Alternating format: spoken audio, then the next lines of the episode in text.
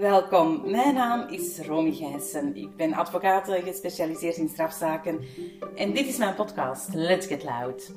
U luistert naar het derde seizoen waar het thema centraal staat, de advocaat als ondernemer.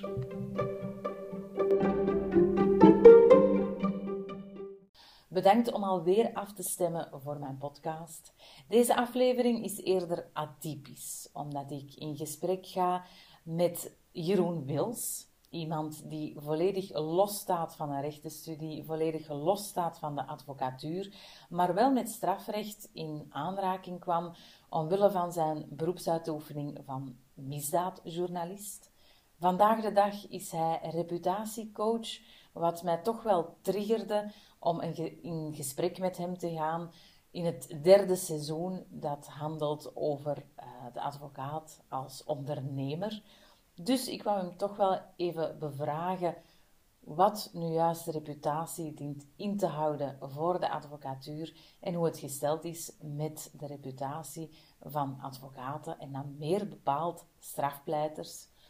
Mijn excuses voor misschien de fluitende vogels of de overvliegende vliegtuigen op de achtergrond, maar deze aflevering is opgenomen in oktober tijdens onze Indian Summer, wanneer we nog konden genieten van een fantastische nazomer. Dus de verleiding was iets te groot om ons toch maar buiten op het terras te nestelen en inderdaad samen in gesprek te gaan. Uh, welkom, Jeroen. Dankjewel om uh, mee te, werken aan mijn podcast en dat u hier voor mijn microfoon wenst plaats te nemen. Misschien even voor de luisteraars die u niet kennen, dat u zichzelf eventjes kort voorstelt wie u bent, wat u doet in het dagelijks leven. Ja, bedankt voor de uitnodiging alleszins. In de eerste plaats, uh, ik ben uh, Jeroen, ik ben criminoloog van opleiding. Uh, dus ook altijd geïnteresseerd geweest in alles wat met misdaad te maken heeft en met menselijk gedrag ook. Maar ik ben heel snel in de journalistiek verzeild geraakt, bij de Standaard eerst, daarna bij VTM Nieuws, waar ik alles samen misschien twintig jaar misdaadreporter was dus alle grote misdaaddossiers in ons land uh, verslagen. Um, en daarna ben ik hoofdredacteur geworden van het VTM-nieuws.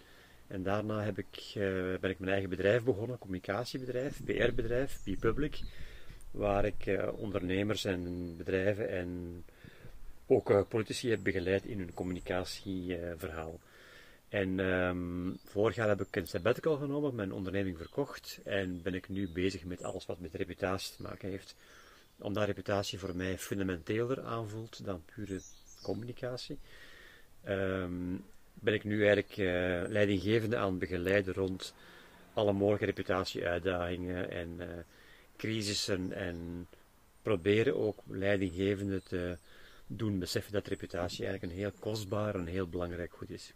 Ja, mooi, want ik dacht dat is ook een beetje de man dat ik nodig heb, want mijn derde seizoen van mijn podcast gaat een beetje over hè, de, advocaat, de advocaat als ondernemer. Uh, en inderdaad, die reputatie is zo belangrijk.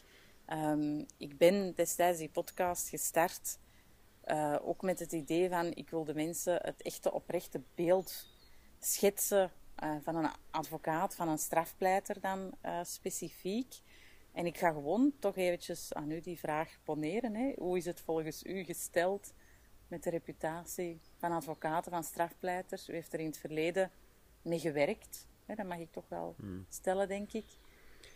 Ja, ik, ik, ken heel veel advocaten, uiteraard. In mijn, in mijn job heb ik er heel veel leren kennen. En ik moet zeggen, ik ehm, heb heel veel waardering voor het werk van advocaten in, in, het, uh, in grote lijnen, in het algemeen. Ik, ehm, de overgrote meerderheid van de advocaten die ik heb ontmoet, uh, zijn zeer gedreven, hardwerkende overtuigde, maatschappelijk dienstbare mensen en, en uh, figuren. Dus ik heb daar heel veel bewondering voor. Um, dus wat dat betreft is mijn beeld zeker niet aangetast. Er zijn natuurlijk altijd, zoals in elke beroepsgroep, zijn er een aantal incidenten geweest, ook, ook in jullie doelgroep, die maken dat het imago soms uh, niet altijd overeenkomt. Maar ik wil misschien van die gelegenheid gebruik maken om even een onderscheid te maken tussen imago en reputatie. Want mhm. imago dat is enkel het buitenste deeltje van uh, een beeld dat je hebt. Imago is enkel maar een oppervlakkig beeld dat je over iemand hebt, zonder dat je daar een rechtstreeks contact mee hebt. Dus wij, hebben, wij kunnen over de advocatuur een bepaald oppervlakkig beeld hebben, zonder dat we er echt weten wat het juist het echte beeld is. Reputatie gaat meer dieper, je gaat over je eigen gedrag. En hoe authentieker je gedrag, hoe dichter bij je eigen waarden en normen, hoe authentieker je reputatie ook is. En dat is veel fundamenteler. En ik denk dat de reputatie van de advocaat, ehm, de advocaten die ik ken, uh, zeer goed is. Uh, maar dat de advocatuur als geheel soms wel een imagoprobleem heeft. Dat we soms niet altijd voldoende weten wat de advocaten doen, hoe ze hun werk doen, waar ze in geloven, wat hun integriteit is enzovoort. En ik denk dat daar nog werk aan, aan de winkel is. Oké, en daar hebben we zelf in de hand volgens u? Voor een groot stuk wel, denk ik. Uh, het is een, een beroepsgroep die historisch ook, denk ik, een klein beetje uh, vanuit een zekere discretie heeft gewerkt. Um, het was ook lange tijd moeilijk om u te tonen als advocaat in de publieke opinie. Dat werd niet aangemoedigd, dat werd ook niet gestimuleerd. Dat was eigenlijk niet toegelaten om echt uh, jezelf te profileren. Dat was geen gewoonte om dat te doen. En die, diegenen die het dan wel deden, werden al vaak weggezet als zijn de media geil of, mm -hmm. uh, of de verkeerde uh, motivaties te hebben. Dus er is lange tijd, denk ik, een, een, een soort van waas van geheimzinnigheid rond het beroep ontstaan. Dat is vandaag aan het veranderen, gelukkig. Ik zie veel meer advocaten die zich uh, durven tonen. En jouw initiatief is daar een mooi voorbeeld van. Dus dat vind ik zeer goed, maar het is, er is nog werk aan de winkel. Ik vind de advocaten, um, net als al, elke andere beroepsgroep, nog veel meer hun eigen expertise zouden mogen delen met de publieke opinie. Expertise, namelijk een maatschappelijk, hun maatschappelijk doel, hun, hun missie, hun, hun, uh, ja, hun kennis, hun expertise, hun ervaring, zouden mogen delen ook met de publieke opinie, zeg maar. Omdat je daarmee grotere geloofwaardigheid opbouwt en een groter vertrouwen opbouwt. Ja. Oké, okay. ja, dat begrijp ik ergens wel. Want, uh, maar natuurlijk, wij hebben onze deontologische code, ons beroepsgeheim, wat dat eigenlijk maakt dat dat soms moeilijk is om ons inderdaad op de kaart te gaan plaatsen. En er is dan een publieke opinie die ook vaak hè, veralgemeningen maakt, uh, het, het, stereotype beeld van een advocaat en naar voren schuift. En daar moeten we eigenlijk al tegen opboksen, hmm. tegen die vooroordelen. Dan hebben we soms misschien wel de neiging om ons te gaan verantwoorden. Maar u zegt dan van ja, eigenlijk hoeft dat niet. Je moet gewoon van, vanuit uzelf, vanuit de, manier waarop dat u uw beroepsuitoefening wilt doen, dat eigenlijk de buitenwereld insturen. Ja, het stereotype beeld dat bestaat is net een reden om het wel te doen. Hè. Is ja. geen reden om het niet te doen. Want je zou, uh, je zou kunnen zeggen, ik ben bang voor een verkeerd beeld te kunnen schetsen, of een stereotyp beeld te kunnen te over te komen. Maar het is net die reden dat maakt dat jullie veel opener moeten zijn en veel meer moeten uh, uzelf tonen. En twee, het beroepsgeheim, vind ik, wordt door jullie advocaten soms te vaak als een labmiddel gebruikt om niet, zich niet te tonen. Je kunt perfect uw expertise tonen zonder uw beroepsgeheim te schenden, zonder uw deontologie te schenden, maar door gewoon de kennis die je hebt in een bepaalde sector, in een bepaald milieu, in een bepaalde maatschappelijke context um, te delen. Stel dat je advocaat bent die heel veel met, um, met familiale um, uh, issues of, of, uitdagingen bezig bent, dan heb je toch als advocaat een heel goed zicht op hoe, hoe bepaalde maatschappelijke problemen in, in, gezinnen, in families, um, kinderrechten enzovoort, wat daarmee, wat daarmee te doen is. Dus daar kan je gerust je expertise rond delen, zonder een concreet dossier te moeten aanhalen, ontbloten, daaruit te, uit te citeren. Dus je kan perfect, denk ik, expertise delen zonder je beroepsgeheim te schenden. Dat is waar, uh, maar als strafpleiter stoten wij vaak op het feit dat er uh, dossiers mediagevoelig zijn, hè, die daar in de media worden belicht. Een, een familiaal dossier, ik denk dat de, de echtscheiding van, van Johnny Depp uh, in Amerika de, de, enige is die, die zo in de media is uitgesmeerd. Dat gebeurt hier in België veel minder, gelukkig. Um, maar natuurlijk, hè, wanneer het een misdrijf of, of, een gruwelijk feit is, een, een, wanneer een, een, dossier naar assise gaat, ja, dan hè, gaat de media zich daaraan vastklampen en daar heel veel over schrijven. En dan gaat men ook vaak wel verwachten van een advocaat die betrokken is in dat dossier van geef uw mening. Dat, dat is wel moeilijk voor ons. En mensen verwachten dat dan. En in een concreet dossier is dat moeilijk. Dat ja. geef ik zeker aan. Maar het gaat mij over maatschappelijke fenomenen. Als je heel veel drugsdossiers doet en je ziet hoe, hoe bepaalde jonge drugsgebruikers of drugsdealers ehm, niet goed opgevangen worden door ons systeem, te weinig plaats hebben in hulpverlening, niet voldoende worden omkaderd, dan kan je gerust of perfect als advocaat ook dat probleem aankaarten zonder een concreet dossier te moeten noemen. Want dan vind ik het de, plicht en de verantwoordelijkheid van een advocaat om ook maatschappelijke fenomenen die jullie elke dag in jullie praktijk zien, om die ook in opiniestukken, in interviews, in, uh, in communicaties uh, naar buiten te brengen en daar de publieke opinie rond te sensibiliseren. En dus ook de overheid en ook de beleidsmakers en de wetgever. Dus zonder dat je daar een, een concreet dossier moet gaan aanhalen of gaan benoemen, kan je fenomenen zeker wel op de, op de maatschappelijke kaart zetten. Nee, nee, dat is misschien wel waar. En ik denk dat dat zou kunnen helpen om ons imago dan als advocaten op te krikken? Of, of... Vooral op de reputatie van de advocaten. Um, omdat zichtbaarheid en transparantie de twee belangrijkste pijlers zijn van, van een goede reputatie. Um, ik heb een boek geschreven, de Reputatiecoach. En, Gelezen, bijna. uh, aan te raden om, om, uh, om aan te schaffen. Absoluut. En, uh, de, de belangrijkste pijlers van een goede reputatie zijn net die zichtbaarheid, die transparantie en die authenticiteit. Um, dus zichtbaarheid, je kunt onmogelijk een goede reputatie opbouwen als advocaat als je onzichtbaar blijft, als je, als je discreet blijft, als je je niet toont. Dan kan je niet, geen goede reputatie opbouwen, want dan gaan mensen geen ervaring met u hebben, geen kennis over uw job hebben, geen, geen, geen inzicht krijgen in uw eigen werken en, en, en, en manier van, van uh, aan, aan uw job te doen. Dus je moet je zichtbaar tonen, je moet je transparant tonen over je job, over hoe dat je je job doet, over je, je eigen handelen. Um, omdat dat juist maakt dat je een goede reputatie opgebouwd mm krijgt. En daarnaast is authenticiteit heel belangrijk. Heel die bij je eigen innerlijke kompas blijven, je moreel kompas blijven en je eigen purpose, je eigen doelstelling blijven, maakt ook dat je een hele sterke reputatie opbouwt. En um, ja, ik denk dat daar nog zeker uh, werk te doen is voor advocaten. -hmm. Natuurlijk, de moderne maatschappij heeft heel veel mogelijkheden. Hè? De dag van vandaag om, om ons inderdaad te profileren. Er is social media, uh, we hebben websites, uh, noem maar op. We, kunnen inderdaad heel veel doen. Um, dat was natuurlijk vroeger anders. Hè? Als ik 10, 13 jaar geleden uh, gestart ben hè, met, met, een eigen kantoor, um, was het eigenlijk de mond-aan-mond reclame. Vanaf het moment dat er resultaten waren en, en in de gevangenis had, had je een goede naam, dan kwamen de dossiers vanzelf. Hè. Dus dat is eigenlijk ook een beetje een opbouw van een reputatie dat je dan kunt doen. En dan heb je eigenlijk um, de media daarvoor niet nodig. Hè. Um, maar natuurlijk, we zijn nu ondertussen tien jaar verder. Social media ja, kunnen we niet meer wegdenken. Um, de, de media is ook veel actiever binnen dat strafrecht, ook om de publieke opinie te informeren. Dus u zegt van ja, u moet daar gewoon in mee. Ja, en niet zozeer omdat sociale media nu, eenmaal bestaat, maar wel omdat de samenleving veranderd is.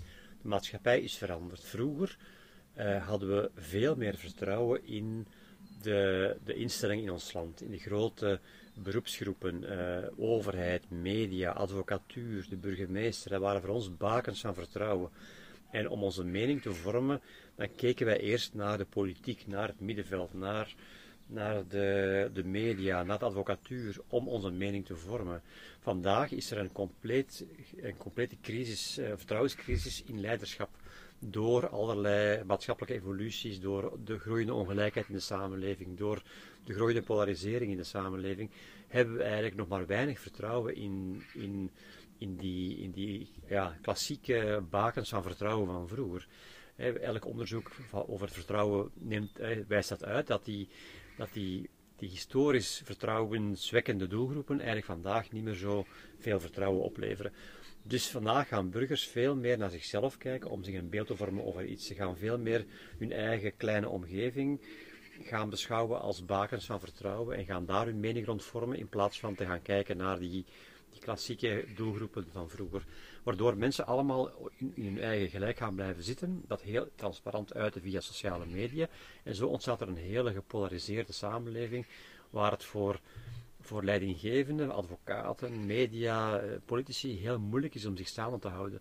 Omdat er elke mening wordt vandaag geventileerd via alle mogelijke kanalen. En je wordt veel kwetsbaarder daardoor om, om onderuit gehaald te worden. En dat heeft gewoon puur te maken met het feit dat die, dat die vertrouwenscrisis vandaag heel diep zit. En, uh, en dat is een, een, een uitnodiging, denk ik, aan die beroepsgroepen om terug opnieuw te werken aan het vertrouwen. En terug opnieuw te tonen aan de samenleving waar je voor staat, wat je doet, waarom dat je dingen doet, hoe dat je werkt, uh, wat uw integriteit is, wat uw authenticiteit is. Uh, dus mijn oproep is aan, aan advocatuur, aan politiek, aan, aan middenveld, toon u veel meer. Toon wat je doet, waar je gelooft, toon uw expertise. En zo zal, zult je opnieuw, wat ik noem reputatievet kweken. Hè. Laag je krediet uh, kweken, aankweken, waardoor je sterker staat als er een keer een storm voorbij komt. Dus uh, het is gewoon een noodzaak, denk ik, als, als, uh, als advocaat en als elke beroepsgroep, om u veel zichtbaarder te tonen rond uw expertise, rond uw thought leadership, rond uw, uw manier van werken. Mm -hmm.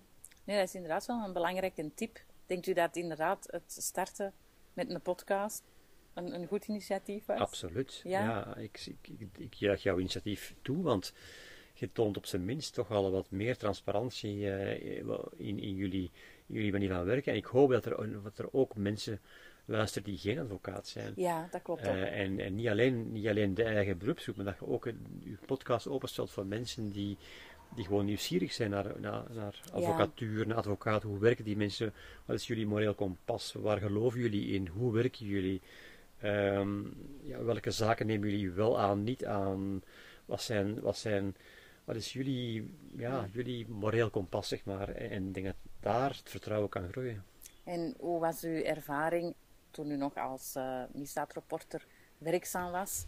Uh, met advocaten, met strafpleiters. Hoe was uw ervaring toen? Waren wij open?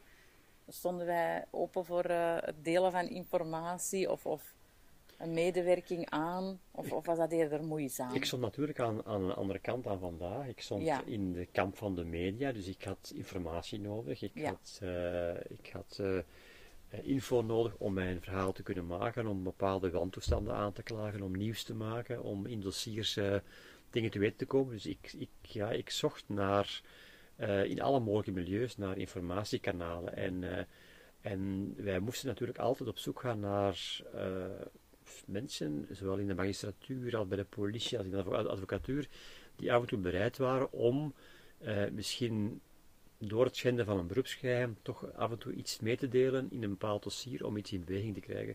Dus dat was een andere verhouding dat wij hadden met de advocatuur uh, en, met, en met, het, met het gerechtelijke wereldje dan, dan waar ik nu vandaag in sta.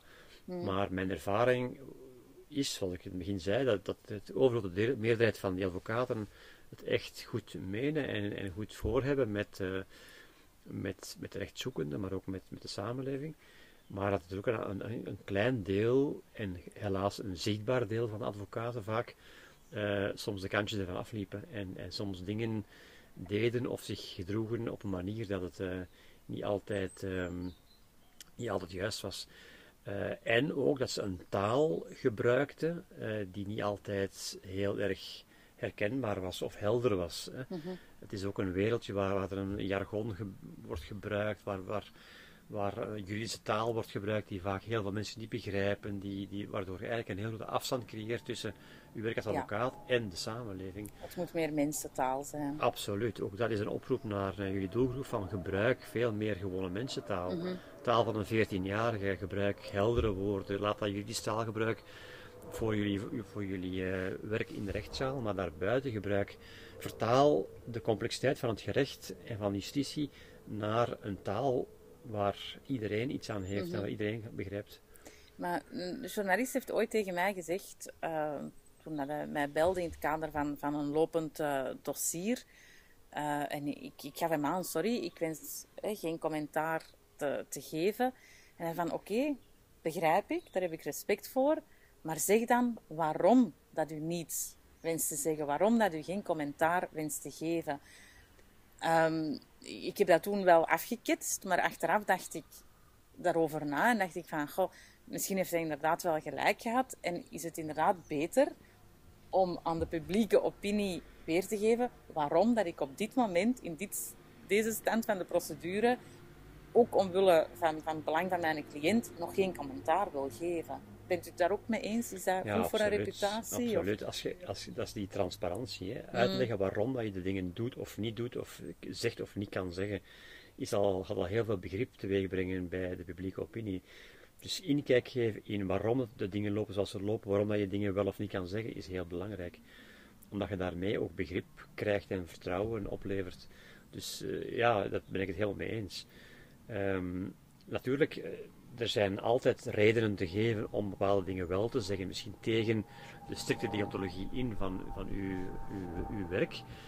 Uh, en iedereen heeft daar zijn eigen reden voor. Sommige advocaten, maar ook politiemensen doorbreken hun beroepsgeheim omdat ze in een bepaalde zaak niet verder geraken, omdat de rechten geschonden worden, omdat er een verkeerd beeld bestaat in de publieke opinie rond een bepaalde zaak, of omdat een, uh, een tegenpartij misschien een, een vuil spel speelt en waardoor de verhouding scheef getrokken is. Dus er zijn heel veel redenen te vinden die allemaal misschien wel, um, misschien wel te verdedigen zijn, waarom sommige mensen uit, uh, uit jullie doelgroep misschien toch wel uh, iets, iets kunnen zeggen mm-hmm. of iets willen zeggen. Dus uh, het hangt echt af van zaak tot zaak. Ja. maar uitleggen waarom dat je de dingen doet, wat er speelt, wat, wat de problemen zijn, waar jullie tegenaan lopen, is al een grote stap in de goede richting. Ja, het is natuurlijk als strafpleiter, helaas, moeten wij soms mensen verdedigen die strafbare feiten hebben gepleegd, gruwelijke feiten hebben gepleegd. Het zijn niet altijd de meest sympathieke dossiers. Dus eigenlijk starten wij al toch van een moeilijk uitgangspunt om ons dan goed op de kaart te plaatsen. Want de mensen hebben al een vooroordeel, al, al, al een beeld gevormd van ja, die neemt de verdediging op voor, voor die of die persoon. Uh, mensen begrijpen dat niet. Dus wij starten toch eigenlijk al van een heel moeilijke positie, als strafpleiter dan. Ook dat is perceptie. Tenzij dat je, dat je beter kan uitleggen waarom ook een verdachte van een misdrijf recht heeft op verdediging. dat, dat wordt veel te weinig benadrukt. Ook, ook, ook Marc Dutroux destijds had recht op verdediging, hoewel dat de grootste deel van de bevolking Marc Dutroux graag, eh, graag wilde zien sterven in, in zijn cel. Maar ook, ook, ook die man heeft recht op verdediging. Mhm. En uitleggen waarom dat, recht op verdediging een heilig principe is, is al iets wat veel vaker en herhaaldelijk moet blijven benadrukt worden. Mhm. Dan gaat ook wel begrip ontstaan over jullie werk en over het feit waarom eh, ga je een drugsdealer voor, uh, verdedigen? omdat ook een drugsdealer recht heeft op verdediging en moet zorgen dat hij, ondanks de, de dingen die hij mis, misdaan heeft, dat hij ja, recht heeft op een eerlijk proces en op, op, op, op goede rechten. Ja, daar ben ik inderdaad de podcast mee gestart. De allereerste aflevering mm. had inderdaad die titel. Is het dan misschien mogelijk dat iemand inderdaad een heel mooi imago kan uitboetseren, om het zo maar te zeggen. Ehm, maar dat toch niet kan waarmaken. Want dat gevaar is er dan toch ook. Hè? Als ze inderdaad naar de buitenwereld toe. Hè, ik, ik, kan hier misschien. Hè, allez, iemand kan hè, een podcast inderdaad uh, organiseren en, en uh, naar buiten brengen alsof hè, de alwetend zijn en, en, en een goede job verrichten, maar uiteindelijk in de praktijk het niet kunnen waarmaken dat is ook mensen een beetje op een verkeerd been zetten. en, dat is, geen... en dat vroeg of laat wordt dat altijd doorprikt. Je kunt onmogelijk een, een, leven lang of een carrière lang heel erg zuiver imago mm kweken, aankweken, maar, maar eigenlijk in niet voldoende eerlijk en oprecht en integer handelen. Dat gaat altijd vroeg of laat naar buiten komen, want uw, uw reputatie is veel fundamenteler, veel duurzamer, veel, veel meer uw eigen kern. Je kunt niet uw leven lang een een oppervlakkig beeld volhouden, terwijl daaronder eigenlijk niks zit. Maar dat uh, gevaar is er wel, hè? Dat gevaar is er zeker, en ik, ik verwijs dan graag naar mijn eigen, uh, naar mijn eigen verhaal. Waarom ben ik in reputatie verzeild, uh, geïnteresseerd geraakt? Omdat ik zelf een bepaald moment in mijn carrière het gevoel had dat ik veel te veel eigenlijk aan de oppervlakte aan het leven was. Ik was in de media actief en ik kreeg applaus en waardering voor het beeld dat men over mij had. Maar op een bepaald moment voelde ik niet meer dat ik voldoende dicht bij mijn eigen kern was. Ik voelde niet meer goed, wie ben ik eigenlijk van, van binnen, wat wil ik, wat geeft mij energie, wil ik nog wel dit doen. Uh, het is op het moment dat ik ook uit de journalistiek ben gestapt, om eigenlijk ja, een periode even mij te bezinnen en te gaan mhm. kijken van, ben ik hier nog wel voldoende dicht bij mijn eigen kern. En dat is een oefening die iedereen zou moeten maken die een publieke functie heeft. Ga af en toe eens naar binnen en voel eens of je, wat je aan het doen bent nog wel heel dicht bij je eigen kern is, of je nog wel dicht genoeg bij je eigen moreel kompas aan het werken bent. Doe ik nog wel de dingen die echt integer zijn, die authentiek zijn. En, en dan ga je merken dat je, dat je soms moet bijsturen en dat je soms moet dingen gaan doen, beslissingen nemen, die misschien niet zo fijn zijn, maar die misschien wel dichter bij jezelf horen. Uh, ik word heel vaak gecontacteerd door, door leidinggevenden die, die, die mij vragen maar kijk, ik wil mijn leven in een andere richting gaan, gaan duwen, omdat ik voel dat ik niet meer um, op authentiek aan het werken ben, of aan het, aan het handelen ben volgens mijn eigen kern. Uh, en dat is een oefening die heel belangrijk is, ook voor advocaten. Ja, ik vind, vind dat wel mooi dat, dat u dat zegt. Dat inderdaad wel uh, knap. Dat, vond u echt dat het werken binnen de media dat dat eerder oppervlakkig was? Dat heb ik niet gezegd, dat dat oppervlakkig nou, was. Eh, ik heb uh, het gevoel gehad voor mezelf, door heel jarenlang in, in, in een bepaalde functie in de media te leven en heel erg afhankelijk te worden van de waardering, dat is puur mijn eigen, mijn eigen mhm. proces, afhankelijk te worden van de waardering van anderen, dat ik ver, verwijderd raakte van mijn eigen kern. En dat is trouwens in elke beroepsgroep een gevaar, als je te veel afhankelijk bent van de externe waardering, het applaus van uw omgeving, van uw klanten, van uw, uw publiek, uh, dat kan u in slaap wiegen, want dat is, dat is leuk en dat is fijn en je, je, je krijgt heel veel applaus. Maar uh, ja, je gaat daardoor, of je dreigt daardoor misschien wel uh, ver van je eigen kern verwijderd mhm. te geraken. En in mijn geval was dat ook zo. Ik voelde op een duur dat ik eigenlijk niet meer authentiek genoeg was in het leven. En, en dat ik eigenlijk uh, opnieuw moest uh, naar, naar, mezelf toe, toe gaan. Dat is mhm. voor iedereen anders. En dat is, ja, er zijn mensen die in de media heel lang kunnen blijven uh, authentiek hun werk doen en dat is, en dat is uh, bewonderenswaardig. Maar ik had het gevoel dat ik, en dat is gewoon mijn eigen, mijn eigen worsteling geweest, dat ik te veel afhankelijk werd van de externe waardering en mm -hmm. te weinig die waardering aan mezelf gaf. En nu heeft u dat als reputatiecoach, heeft u het gevoel dat u iets kan bijbrengen, dat u mensen kan helpen, want daar gaat het dan toch eigenlijk ook wel over, hè? om eigenlijk ook zich naar hun kern te brengen en van daaruit te werken. Ja, en, en pas op, ik, ik moet mezelf ook nog altijd opnieuw um, ja, bij de les houden. En ik moet, ik moet mezelf blijven, um, blijven werken aan, ben ik hier nog wel aan, dingen aan het doen die, die dicht bij mijn eigen kern horen.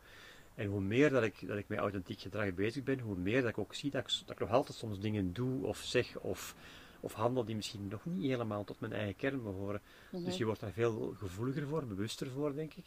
Uh, maar het blijft een eeuwige zoektocht en een eeuwige uh, ja, ja.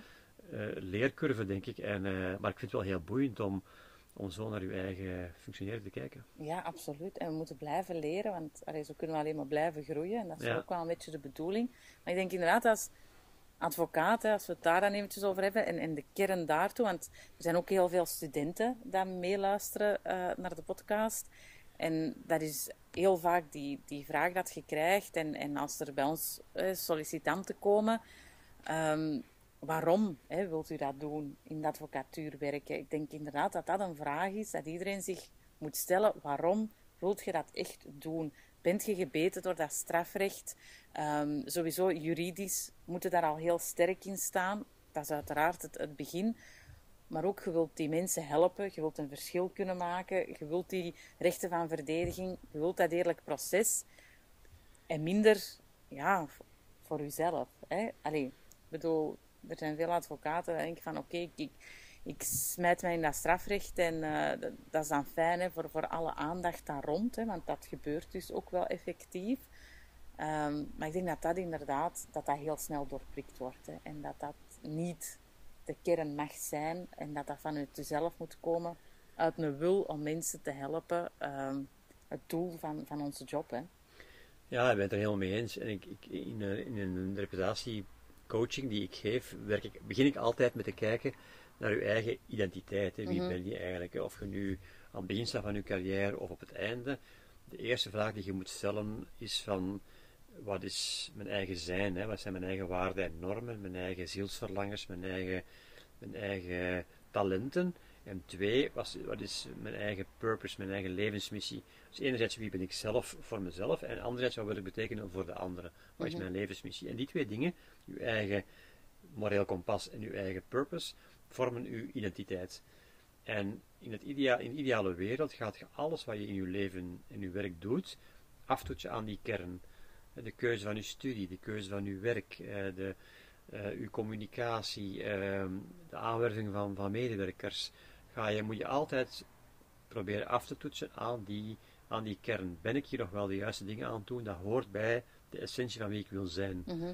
en, en die oefening af en toe eens doen en bijsturen waar nodig, helpt wel om, om bij uw e-, eigen innerlijke kompas te blijven, bij uw eigen authenticiteit te blijven.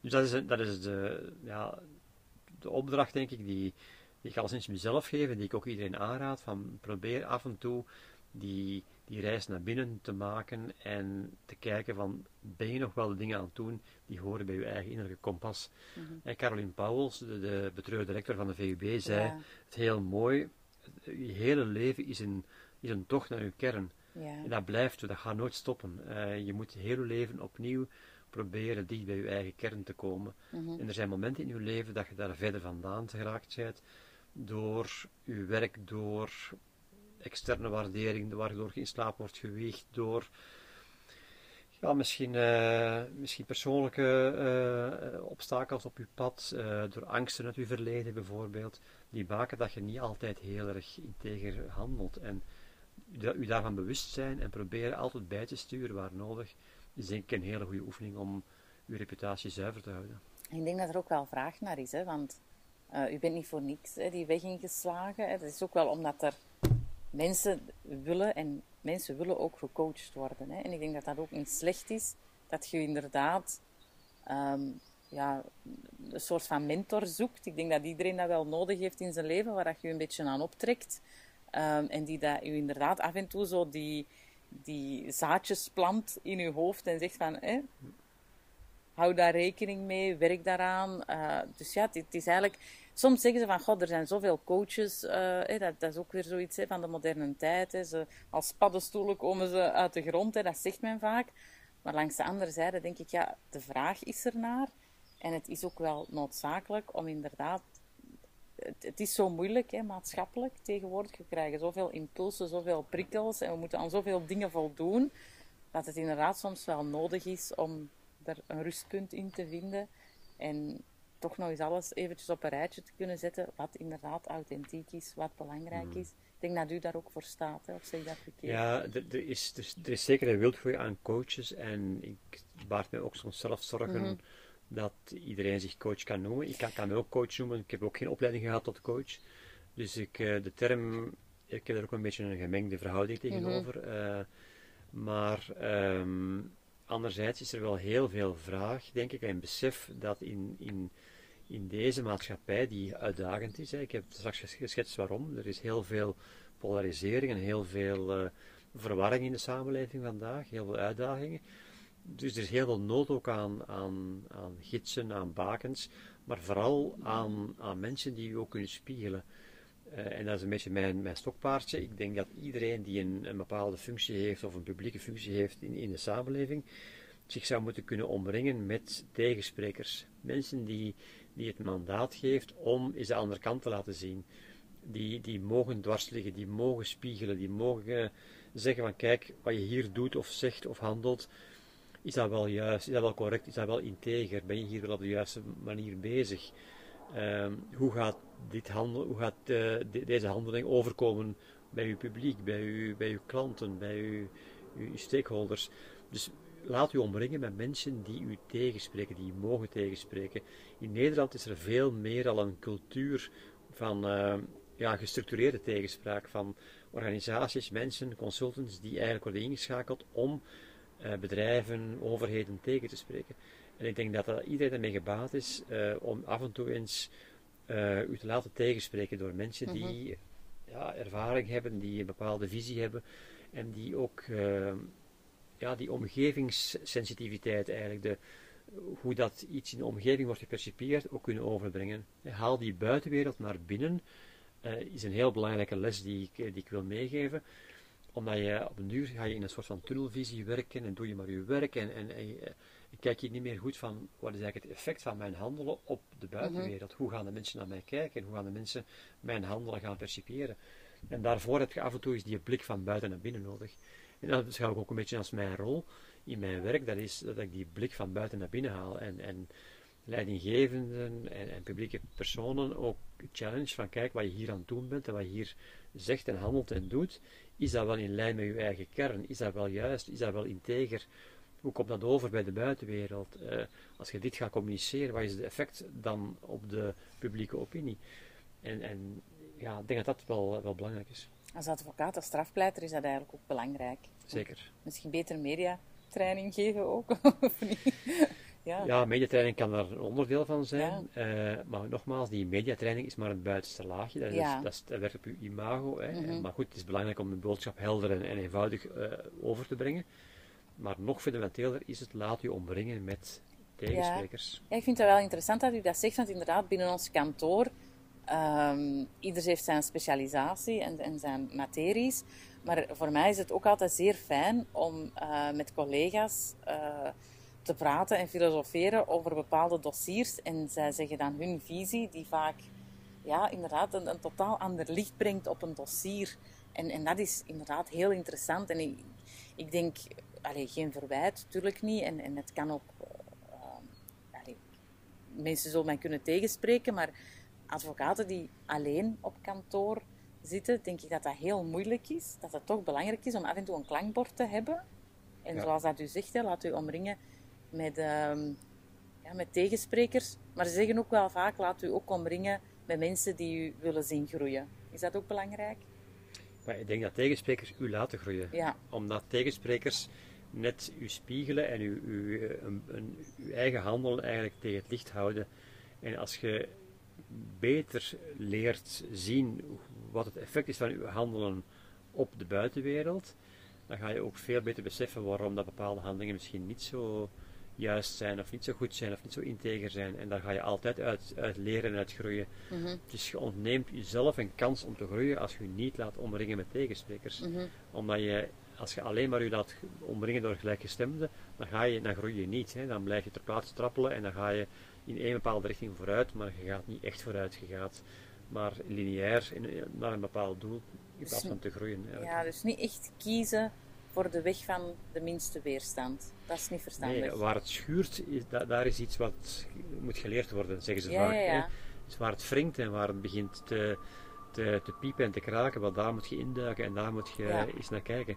Want daar zijn dikwijls, dikwijls uh, leerprocessen te doen die, uh, die kunnen u vooruit helpen. Niet van weglopen, gewoon. Nee, erin duiken, vol Ja. erin duiken. Ja, ja, ja, inderdaad. Ja. Nee, dat is wel een heel mooi advies. Ehm, ik denk dat heel veel mensen hier wel iets- zeker iets van, van kunnen opsteken. En inderdaad, laat u omringen hè, door, Ja. door, door al die, die mensen die u zo goed kunnen begeleiden. En de advocatuur moet inderdaad werken aan, aan die reputatie, aan dat imago.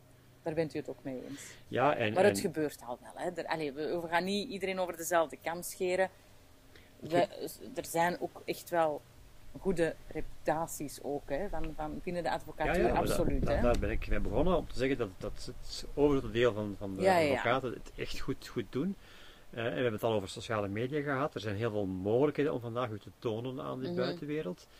Ehm, de uitdaging met sociale media is ook om dat medium te gebruiken op een manier dat je ondanks de vluchtigheid van het medium u toch authentiek kunt tonen. Mhm. Eh, want het is via sociale media, en dat merk ik uit eigen ervaring nog elke, elke dag, is het heel makkelijk om, om een soort van oppervlakkig beeld uit te stralen van wie dat je bent. En je kunt heel makkelijk met een paar posts een bepaald eh, imago uitstralen. Eh, maar het is niet altijd eh, even authentiek wat er wordt gepost. Mhm. En ik worstel daar zelf ook nog elke dag mee van waar ik mezelf de vraag stel, ben ik hier nog wel dingen aan het, aan het posten en aan het communiceren dat echt mij toont zoals ik echt ben.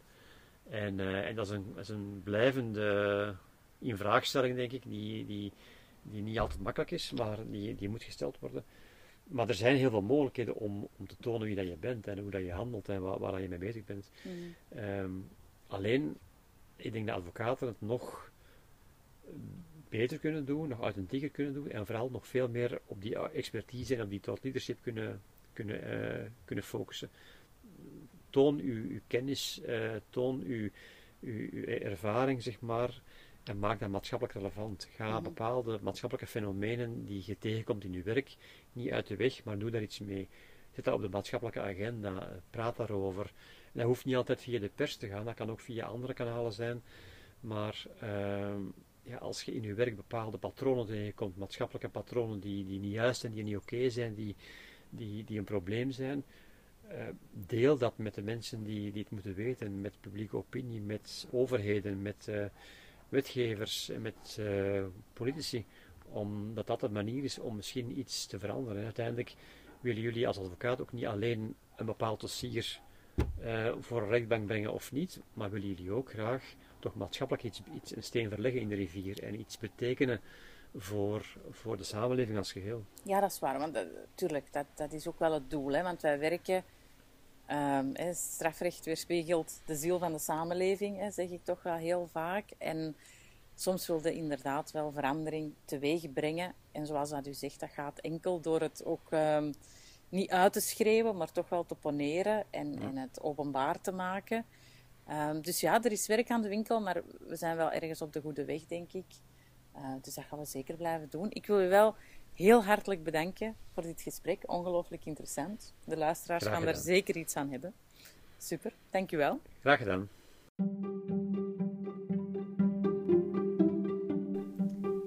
Vond u deze aflevering interessant? Deel hem dan gerust met uw vrienden of collega's. Om op de hoogte te blijven van de nieuwe afleveringen die online zullen komen, volg mij dan via sociale media. Dit kan via LinkedIn onder de naam Romy Gijssen of via Instagram onder de naam Romy underscore Gijssen underscore advocaat. U kan uiteraard ook de podcast volgen via waar u hem ook beluistert, via Spotify of via de podcast-app. Een beoordeling wordt uiteraard ook altijd geapprecieerd. Heel graag tot de volgende aflevering.